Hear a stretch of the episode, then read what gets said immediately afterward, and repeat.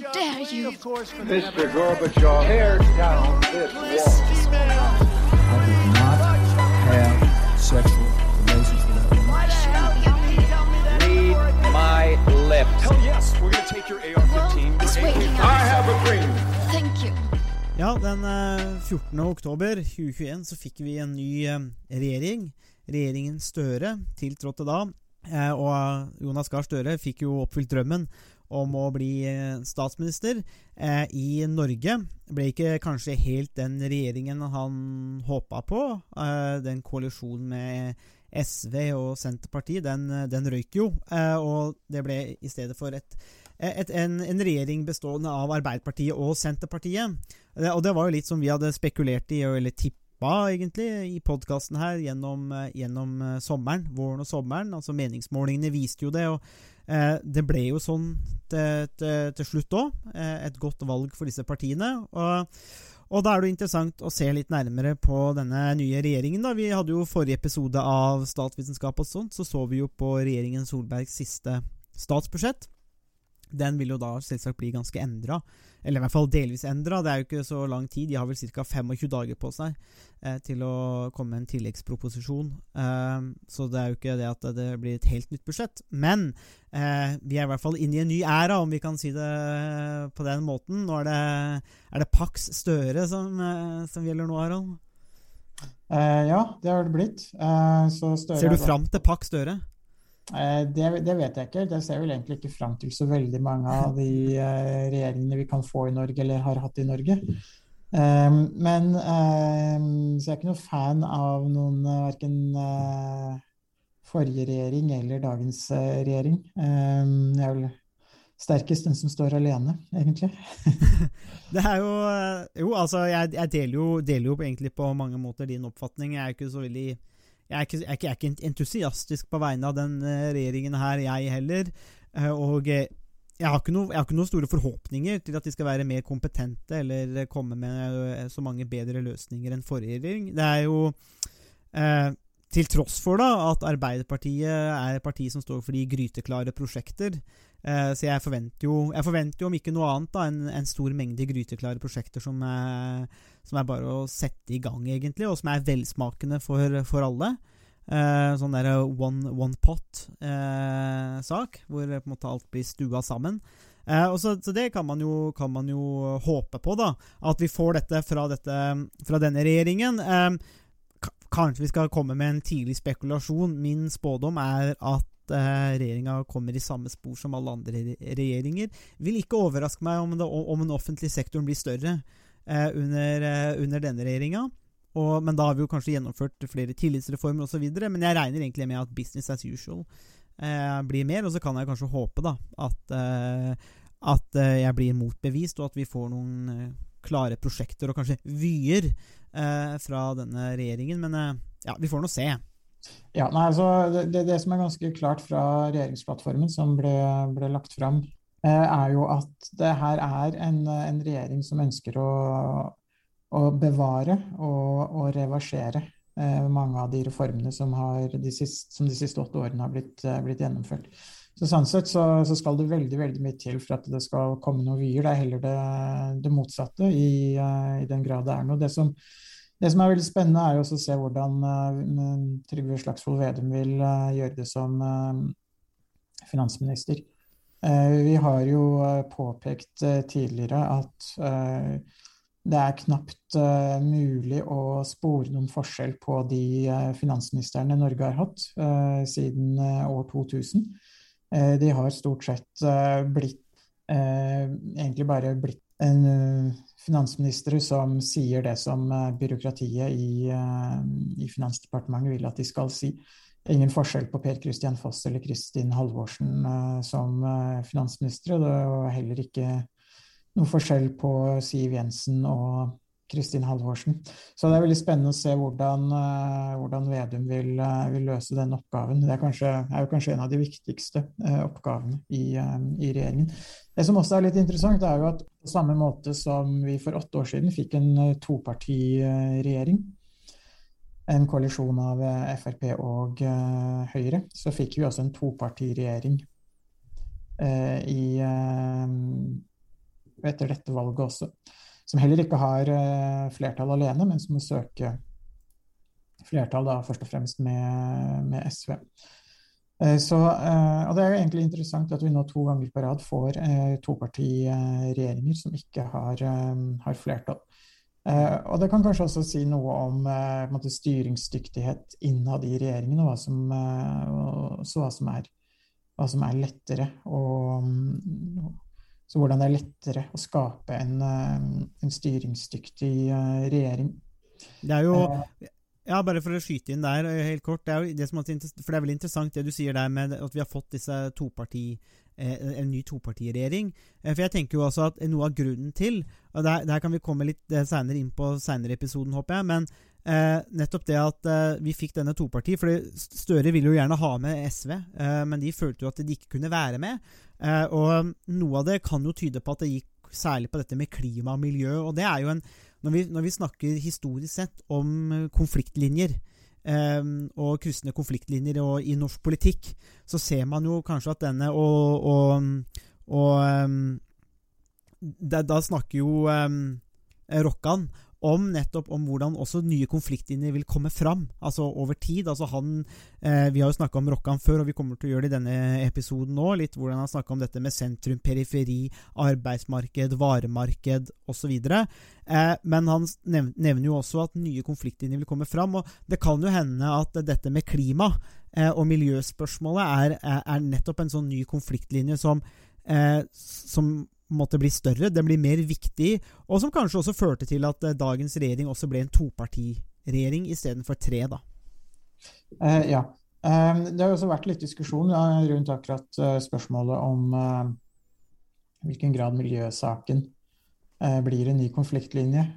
og når man ser på valgresultatet til MDG og Eh, hvordan MDG har gjort det på meningsmålingene etter valget, så kan, kan du faktisk tyde på at det ikke er en veldig stor konfliktlinje eh, enda.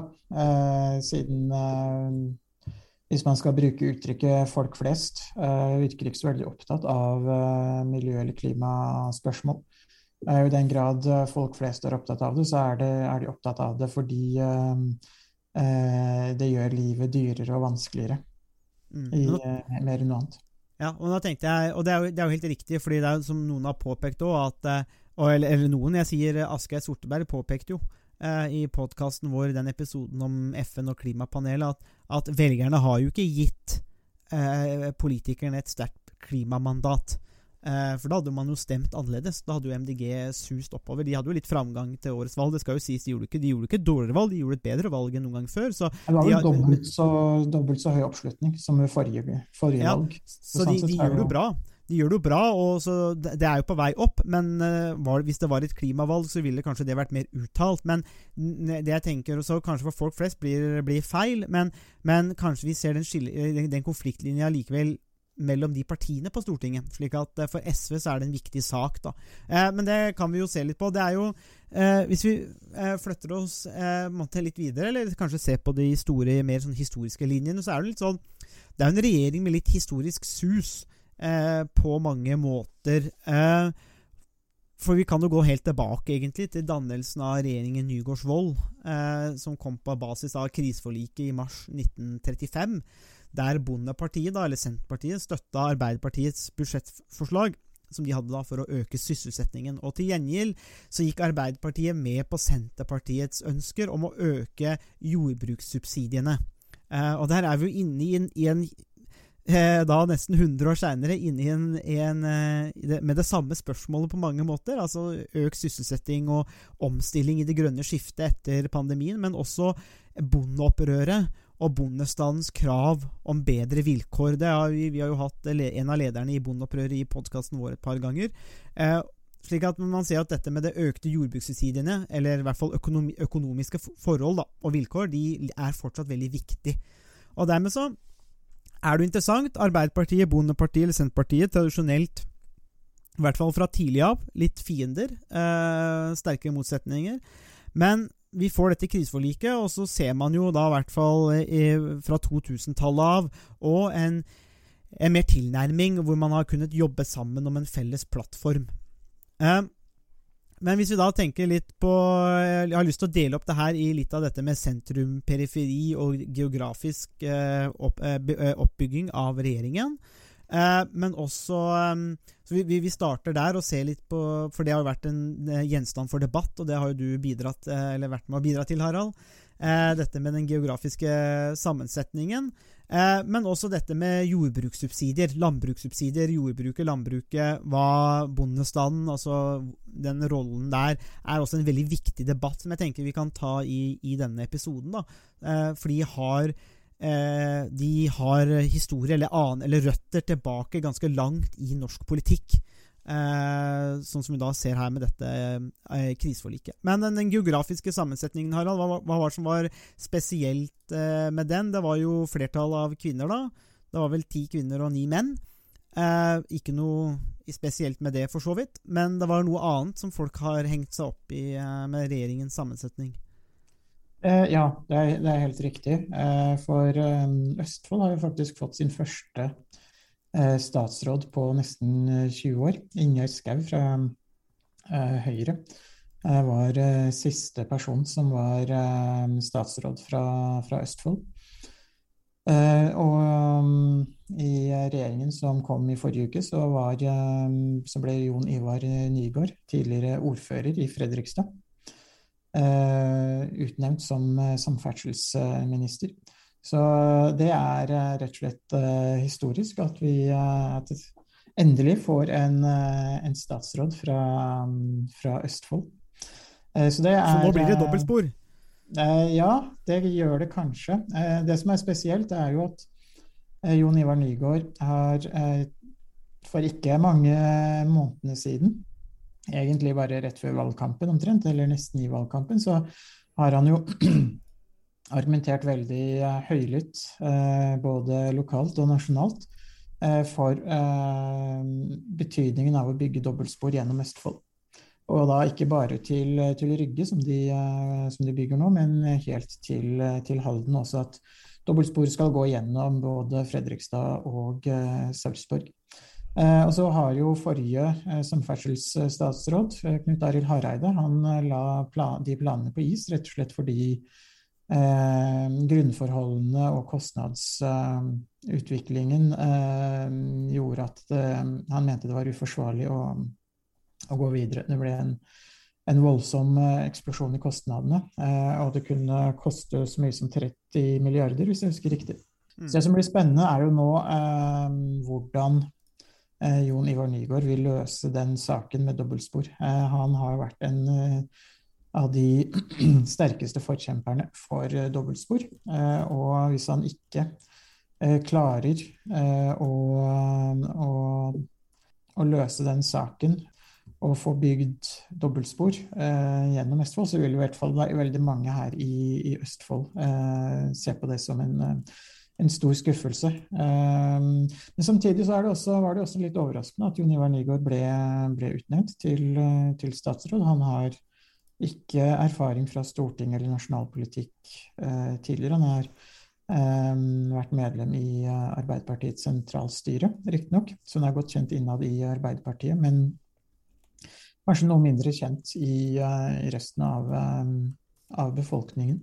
Så det var, var en viss overraskelse da han ble, ble utnevnt. og eh, det var også en, eh, en dag eh, hvor eh, telefonen ringte ganske hyppig eh, for kommentarer om, eh, om, om utnevnelsen. Og hvor jeg også møtte meg selv litt i døra, siden jeg for noen måneder siden sa til Fredrikstad Blad at det ville, noe, ville være en stor overraskelse hvis Jon Ivar Nygaard blir utnevnt som samferdselsminister. Eh, så det er fort gjort eh, å møte seg selv i døra når man, eh, når man spår.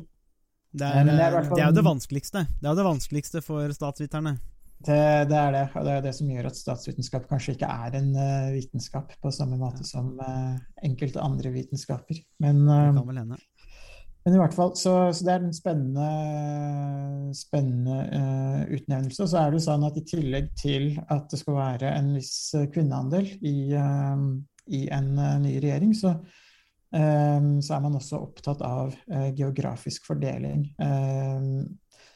Så Så det er en, en Man har statsråder fra de, de fleste ulike, ulike valgkretsene eller områdene. Og det, det, er et kriterium som det er vanskelig å, å oppfylle av mange grunner. Eh, men det har tradisjonelt vært, vært veldig viktig. og kanskje spesielt på samferdselsområdet, fordi man er opptatt av å få utbygginger i sine områder. områder og Eh, tidligere Ap-statsråd eh, Kjell Opseth er jo kanskje kroneksempelet på eh, en statsråd som er flink til å, å få lagt veiprosjekter og samferdselsprosjekter til eget, eget fylke. Mm. Så, det, så, det, er Så det man ser nå, er at man har fått en litt, litt annen Ja, man har fått en regjering som, som, som består av hvor det kanskje er et visst tyngdepunkt på Østlandet, deler av Østlandet, eh, til en viss grad eh, Trøndelag. Mm. Eh, så man ser at det er noen regioner som, står, som har fått en noe sterkere fordeling. Men det er uklart om det betyr så mye i, i praksis. Statsrådrollen er jo på mange måter overveldende, og man, det er så mange spørsmål man skal ta stilling til. og Eh, så mange eh, spørsmål som krever he helhetlig tenkning. At det, det, er nok Jeg skal være litt forsiktig med å si at det, det at eh, man får en samferdselsminister fra Østfold, eh, betyr at man eh, Nå kommer det ene veiprosjektet etter det andre til, eh, til Østfold. Men det er i hvert fall, er i hvert fall interess veldig interessant at Østfold nå får sin første statsråd på nesten, nesten 20 år. Mm. Ja, det er jo um, Det er jo som du sier, det er jo litt um Altså, alle kan ikke bli representert. Eh, det er alltid noen som kanskje vil bli stående utafor når det kommer til den type sammensetning. Og eh, det har vi jo, Men som du er inne på det har vi jo sett at eh, det er jo noen ministre sånn, som har vært gode til å Eller kanskje noen sterke partibenker òg, som har vært veldig flinke til å, til å karre til seg store prosjekter eller viktige prosjekter. og Eh, som ikke alltid kanskje er det som gir opplagt mening heller. Eh, men det viser jo bare at eh, politikk handler om hvem som får hva, når og hvor. Og så får vi jo se, da, for, for Østfolds del, om Jon Ivar Nygaard eh, er i stand til å utrette noe eh, her. Eh, dobbeltspor er jo om, om, om, om, vi kan si det sånn, da, at SOS har en slags off, offisiell politisk holdning eller mening når det kommer til prosjekter. Vi er jo forsiktige med sånt. så er jo i hvert fall dette med dobbeltspor helt til Halden er jo et gunstig samferdselsprosjekt for Norge. Det tror jeg er hevet over enhver tvil. og I hvert fall for oss som jobber i Halden. Det at det tar en halvtime, 40 minutter og lenger med tog enn med bil til Oslo, det gir jo ikke mening i Norges flateste område, hvor det burde være mulig å bygge jernbane. Så vi kan jo håpe at det, at det, at det skjer noe der. Men dette med den geografiske fordelingen er jo viktig. Er igjen en gammel konfliktlinje. Dette er jo noe det første Stein Rokkan peker på med sentrum-periferi òg, hvor deler av landet øh, følte seg underrepresentert. Um, hadde ikke noe de skulle si, selv om de skapte verdier og blei skattlagt osv. Så, videre, så hadde de lite medbestemmelse og i, mangel på representativitet. Og det er jo det som eh, man kan jo se for seg Det, noen, det har i hvert fall murra i noen områder hvor de føler seg at her blir ikke hørt, eller de har ikke stemmer i de viktigste områdene. Eh, og at det blir veldig sånn østlandstungt. Og det er jo ofte sånn det blir òg, da. Eh, så får vi se da om dette spiller en rolle om denne gamle konfliktlinjen kommer inn. Men jeg nevnte i stad òg litt det der eh, med, med, de historiske røttene hos husen fra kriseforliket Bondepartiet og Arbeiderpartiet. Eh, igjen en god slags eh, Vi får jo litt sånne hestehandler. Eh, man vil oppnå nye ting. Og Senterpartiet er jo primært et parti for bøndene. Det er iallfall sånn de liker å eh, Det er der de mobiliserer, og det er det de markedsfører seg som òg. Eh, og har jo, vi har jo hatt et bondeopprør i Norge det siste året, hvor man ønsker å utjevne inntektsforskjellene og gjøre kanskje bondeyrket mer attraktivt òg, og, og, kanskje også levelig i mange tilfeller for mange.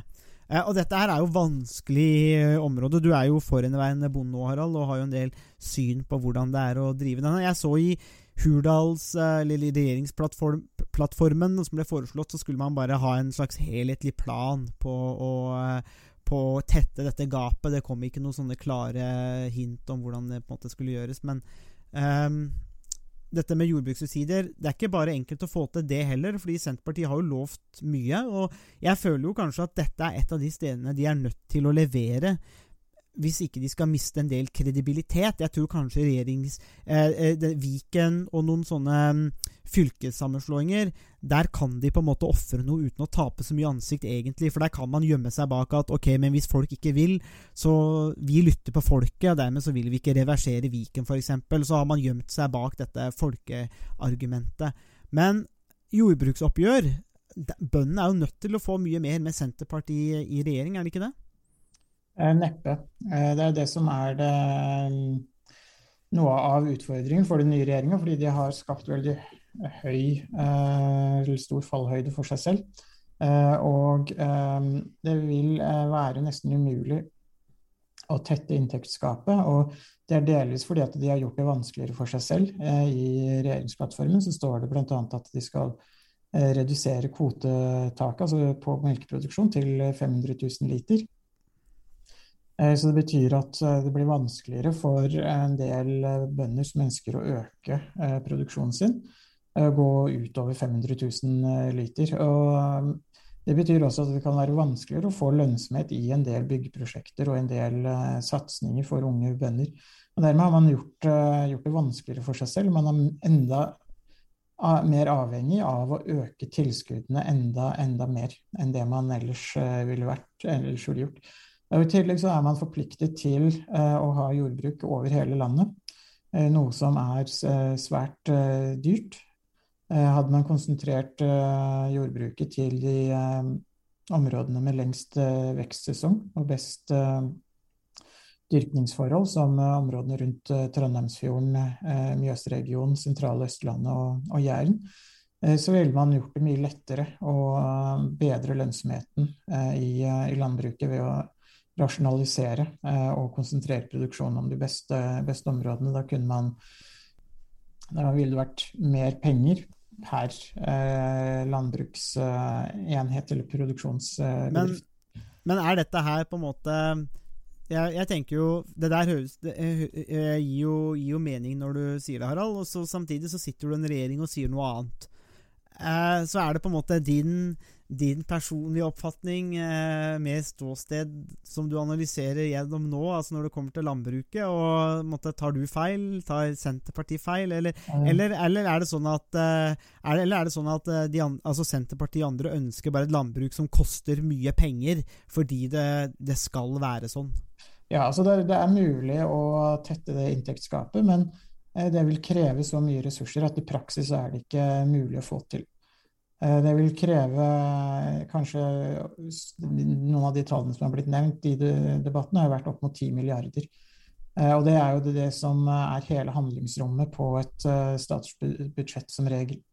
Så det er veldig tvilsomt at man i det hele tatt vil, vil komme vil komme noen vei der. Og når man da legger Når man da ikke vil eh, gjøre strukturrasjonaliseringer, så blir det veldig vanskelig å, å bedre lønnsomheten. Eh, og eh, på toppen av det så har jo eh, eh, kostnadsutviklingen eh, galoppert i, eh, i landbruket. Eh, eh, landbruket er en næring som bruker eh, mye strøm, både til eh, oppvarming eh, og lagring, eh, kjølelagring osv. Eh, som veldig mange produsenter har fått økte kostnader i form av eh, høye strømregninger, høye gjødselpriser. eh, som er med på å eh, gjøre det veldig, veldig vanskelig å oppnå de, eh, de lønnsomhetsmålene som man, eh, man snakker om. Så dessverre, så jeg, jeg tror det er veldig urealistisk eh, å få til eh, en tetting av inntektsgapet mellom landbruket og resten av befolkningen. Eh, delvis fordi at regjeringen har gjort det vanskeligere for seg selv, og delvis fordi eh, det er en del betingelser som eh, er utenfor rammene av både jordbruksoppgjør og politikk. Man kan ikke regulere gjødselprisene. Og en del av de andre kostnadene som, som bøndene som har økt for mange bønder. Så, så det, veldig, det her er veldig vanskelig. Så jeg tror det er en av de sakene som den nye regjeringen kommer til å tape tape, på, rett og slett. Eh, fordi at de, eh, Det er så stor fallhøyde, eh, og det er så mange faktorer som de ikke har kontroll over. Og de, når de da i tillegg gjør det vanskeligere for seg selv ved å, å redusere kvotetaket og andre eh, reguleringer som kunne gjort det lettere eh, å oppnå lønnsomhet, så, så, blir det her, eh, så blir det her nesten, eh, nesten umulig, vil jeg si. Så det er veldig, kanskje, ganske, ganske, kanskje mer tydelig nå enn det har vært en del andre podkaster. Men når det gjelder landbrukspolitikken, så har jeg jo i og for seg flagga hvor jeg står ganske tydelig eh, tidligere i Aftenposten og andre steder. Så eh, det er kanskje ikke noen eh, Akkurat der er det ikke noen overraskelse eh, hvor, eh, hvor, jeg står. Eh, og det er jo også delvis basert på mine egne erfaringer som, som produsent i 20, over 20 år, 21 år til sammen. Ja, det er jo altså, det, det, det, er jo et annet viktig si, statsvitenskapelig poeng. Det er jo mange som er redde for normativitet. Altså det at man har egne standpunkt, f.eks., eller, eller holdninger om hvordan, eller meninger om hvordan ting bør være. Eh, da er vi jo for, for, så vidt inne i en gammel eh, statsvitenskapelig debatt nær, med, gjennom, mellom dette med empiri og normativitet, og det er jo mange av de gamle skolen som vil hevde at normativitet ikke har noen plass.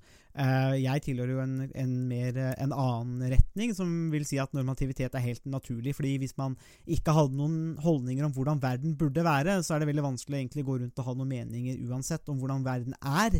Og så vil man også så er spørsmålet kan man noen gang unnslippe i det man Altså, man, man, det, er, det, er, vanskelig å argumentere for i en slags empirisistisk måte at man bare går rundt og observerer, og at det gjøres på et tomt grunnlag, men at man observerer, men målt mot, mot noen standarder eller ønsker og holdninger om hvordan bør være, hvordan verden bør være. Og det tenker jeg kommer jo klart fram kanskje i, i, i, i det du sier om landbrukspolitikken nå, tenker jeg. Harald. Jeg syns det er veldig interessant, for dette er jo et område som ikke jeg er kjent i.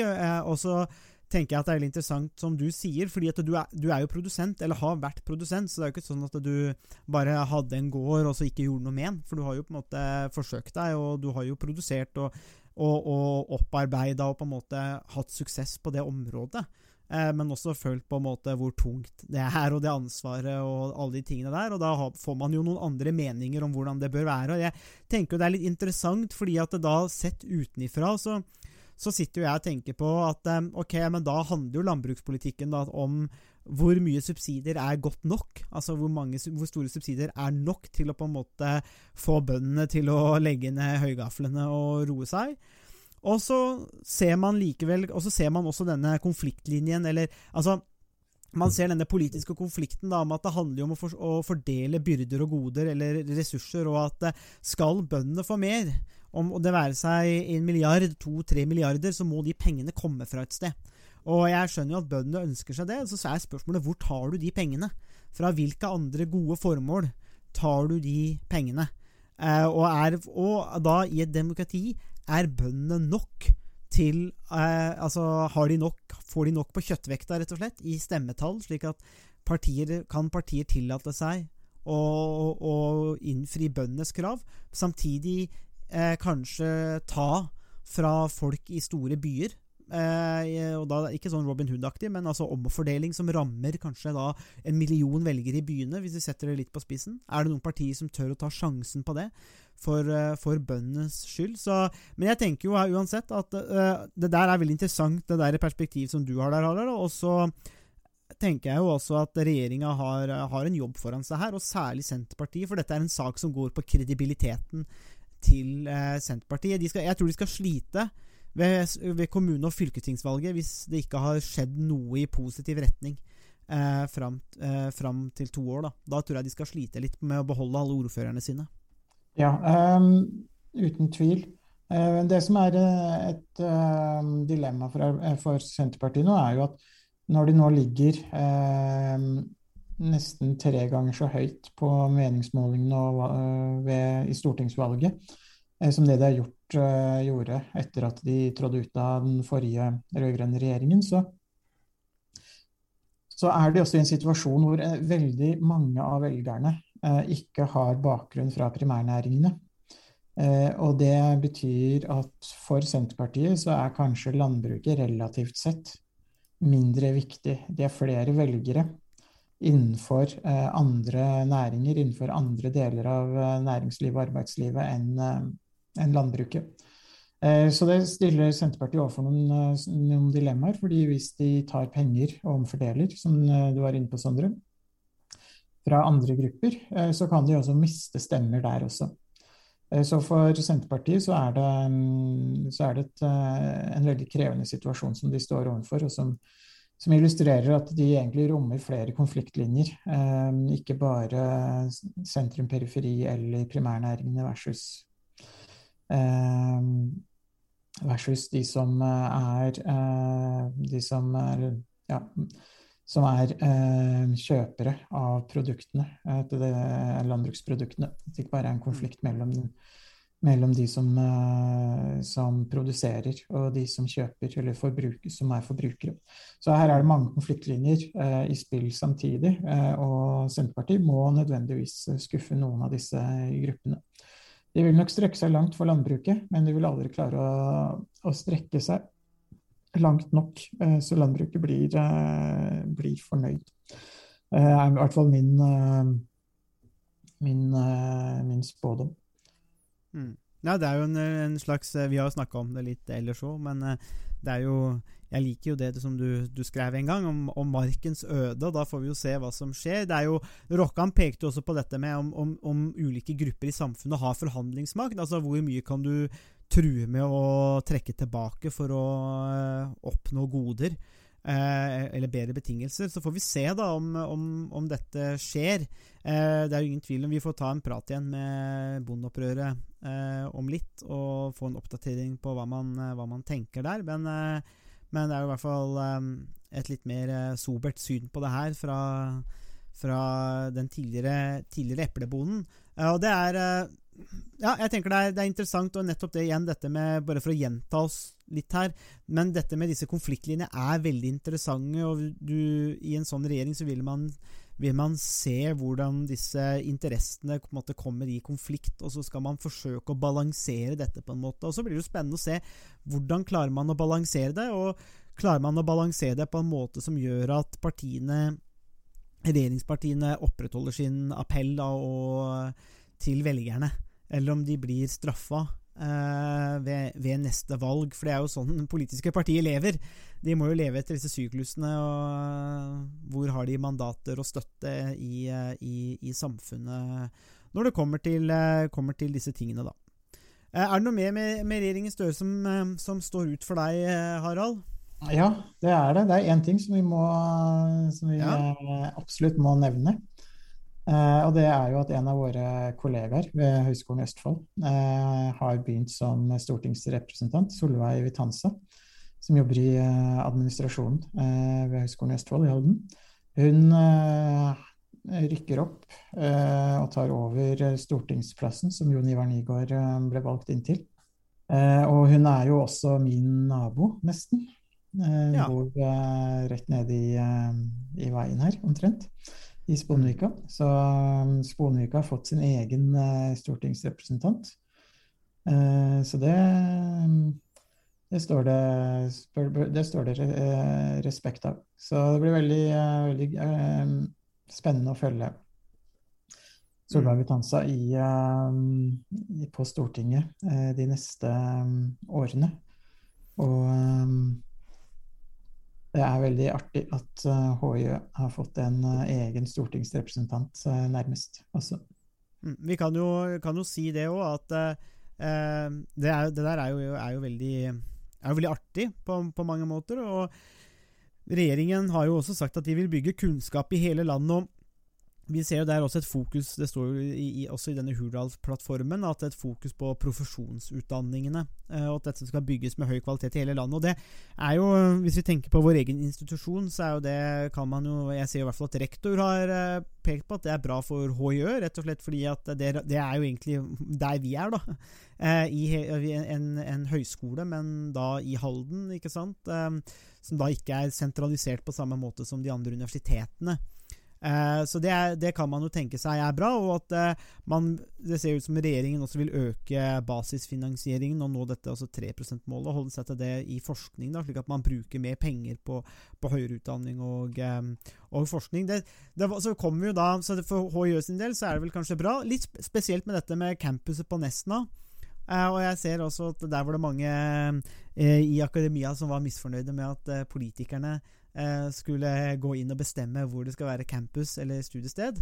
Um, jeg vet ikke hva du tenker om det, Harald. Det, vi kan jo avslutte litt sånn med hva, hva, hva, hva, skal politikerne egentlig ha makt over? Men jeg tenker, noe av det første som slo meg, det er mulig jeg tok litt for lett på det, eller sånt, men det er, det er noe, det er, de bevilger jo pengene. så på en måte så faller du litt inn i den der kategorien om at det, det er jo ikke alle prosjekter som nødvendigvis gir mening i alle i, i, i ordets forstand, eller om det gir, eh, at det betaler for seg sånn, men ofte så handler det jo bare om prioriteringer, at man har lyst til å støtte opp under ulike miljøer eh, osv. Og, og hvis man velger å gjøre den prioriteringen og betale for det, så er jo det, det, er jo det opp til eh, hvert land eller region hva man har lyst til å bruke penger på. Det er jo, har, mange har jo ulike hobbyer som du bruker penger på, som sikkert er bortkasta penger rent eh, utilitaristisk, men, men eh, likevel, man subsidierer det fordi, at, fordi det gir, man gir en selv noe. Da. Så det kan hende at regjeringen tenker det. Jeg vet ikke hva du tenker der. Bør regjeringen blande seg inn i, inn i, uh, inn i denne strukturen? Eh, absolutt ikke. Eh, og det Paradokset er at Senterpartiet Eh, har vært veldig opptatt av at eh, man skal vektlegge lokalt selvstyre, eh, og at ulike institusjoner, både politiske og utdanningsinstitusjoner og andre, skal ha stor grad av, av selvstyre. Og nå er det jo universitetsstyret ved Universitet Nord som har gått inn for nedleggelsen av, av Nesna. Og Eh, hvis eh, regjeringen da skal overstyre den beslutningen som eh, Universitet Nord har tatt, så, så, innebærer det at man egentlig ikke tar lokalt selvstyre på, på alvor. Så ethvert universitet og enhver høyskole har jo et ansvar for at studietilbud er forsvarlig, og at det, er, det drives innenfor en del av de, de økonomiske rammene som, som sektoren må forholde seg til. Og der sto jo Høgskolen på Nesna, eller campus på Nesna, overfor noen utfordringer.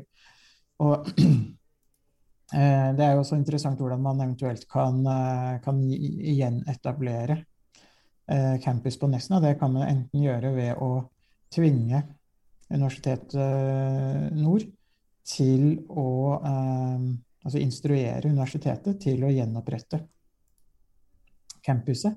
Eh, noe som går eh, imot eh, alt Senterpartiet har argumentert for om lokalt selvstyre og beslutninger som skal tas nedenfra og opp. Eller så kan man opprette en ny høyskole på Nesna. Og oppretter man en ny høyskole, så vil jo det ta svært lang tid å etablere og rekruttere ansatte osv. Eh, og så er det jo til syvende og sist et spørsmål om eh, hva slags studietilbud det skal være der. Om det skal være lærerhøyskole, som det har vært tidligere, eller om det er andre studietilbud som kan være aktuelle. Men det, det her, eh, du var inne på det med hobby.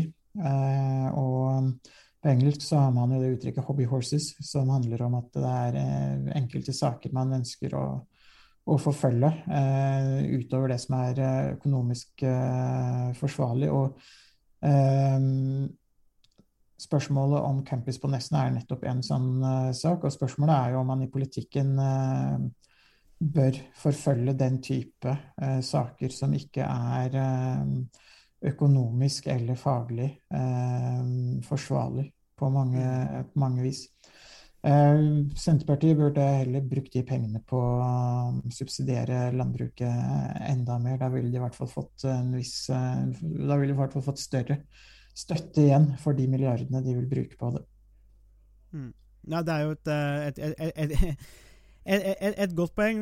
Kanskje det er et eksempel på denne detaljstyringsiveren som vi har um, klaga litt på før, Harald, og som vi identifiserte i de ulike partiprogrammene. At den alle, stort sett alle partiene, men litt, i litt ulik grad, men stort sett alle deler denne iveren og optimismen og illusjonen om at eh, de, de andre kan styre De vil styre dårlig, men vi styrer bra. Eh, så vår detaljstyring er på en måte bedre enn de andres, men løsningen er likevel denne type detaljstyringen. Og som du sier, setter du fint på spiss nå at eh, kanskje dette med selvstyre osv. er mer populisme, kanskje det er mer valgkampspråk. Eh, og når det kommer, kommer ned til konkrete beslutninger som kanskje går mot det man ønsker, da kaster man prinsippet litt på båten og prioriterer annerledes. Det, men det tenker jeg, det er jo, det er jo måte, Senterpartiet Arbeiderpartiet er jo med på det, de òg. Så de må jo ta, stå for den delen, de òg, hvis, det hvis det er dette som uh, det blir. Det får vi se. Kanskje det er en indikasjon på hvordan regjeringen ønsker å jobbe. Men de har i hvert fall så vidt kommet i gang. Eh, vi har ikke fått et nytt budsjett, det kommer jo snart. Så da får vi eh, holde litt eh, øye med det. Men det var i hvert fall noen innledende saker som vi tenkte var interessant her å, å diskutere. Og igjen, litt med disse med konfliktlinjer. Anbefaler jo egentlig alle som er interessert til å sette seg ned og lese dette, disse essayene fra Stein Rokkan eh, om konfliktlinjer, som jeg vil påstå er en en slags tidløs eh, tidløse essay eller artikler som uansett gir en god eh, forståelse og et interessant perspektiv på å studere oss, også det som skjer i dagens politikk da, i Norge. Det var det vi hadde å by på i denne ukas episode av Statsvitenskap og sånt.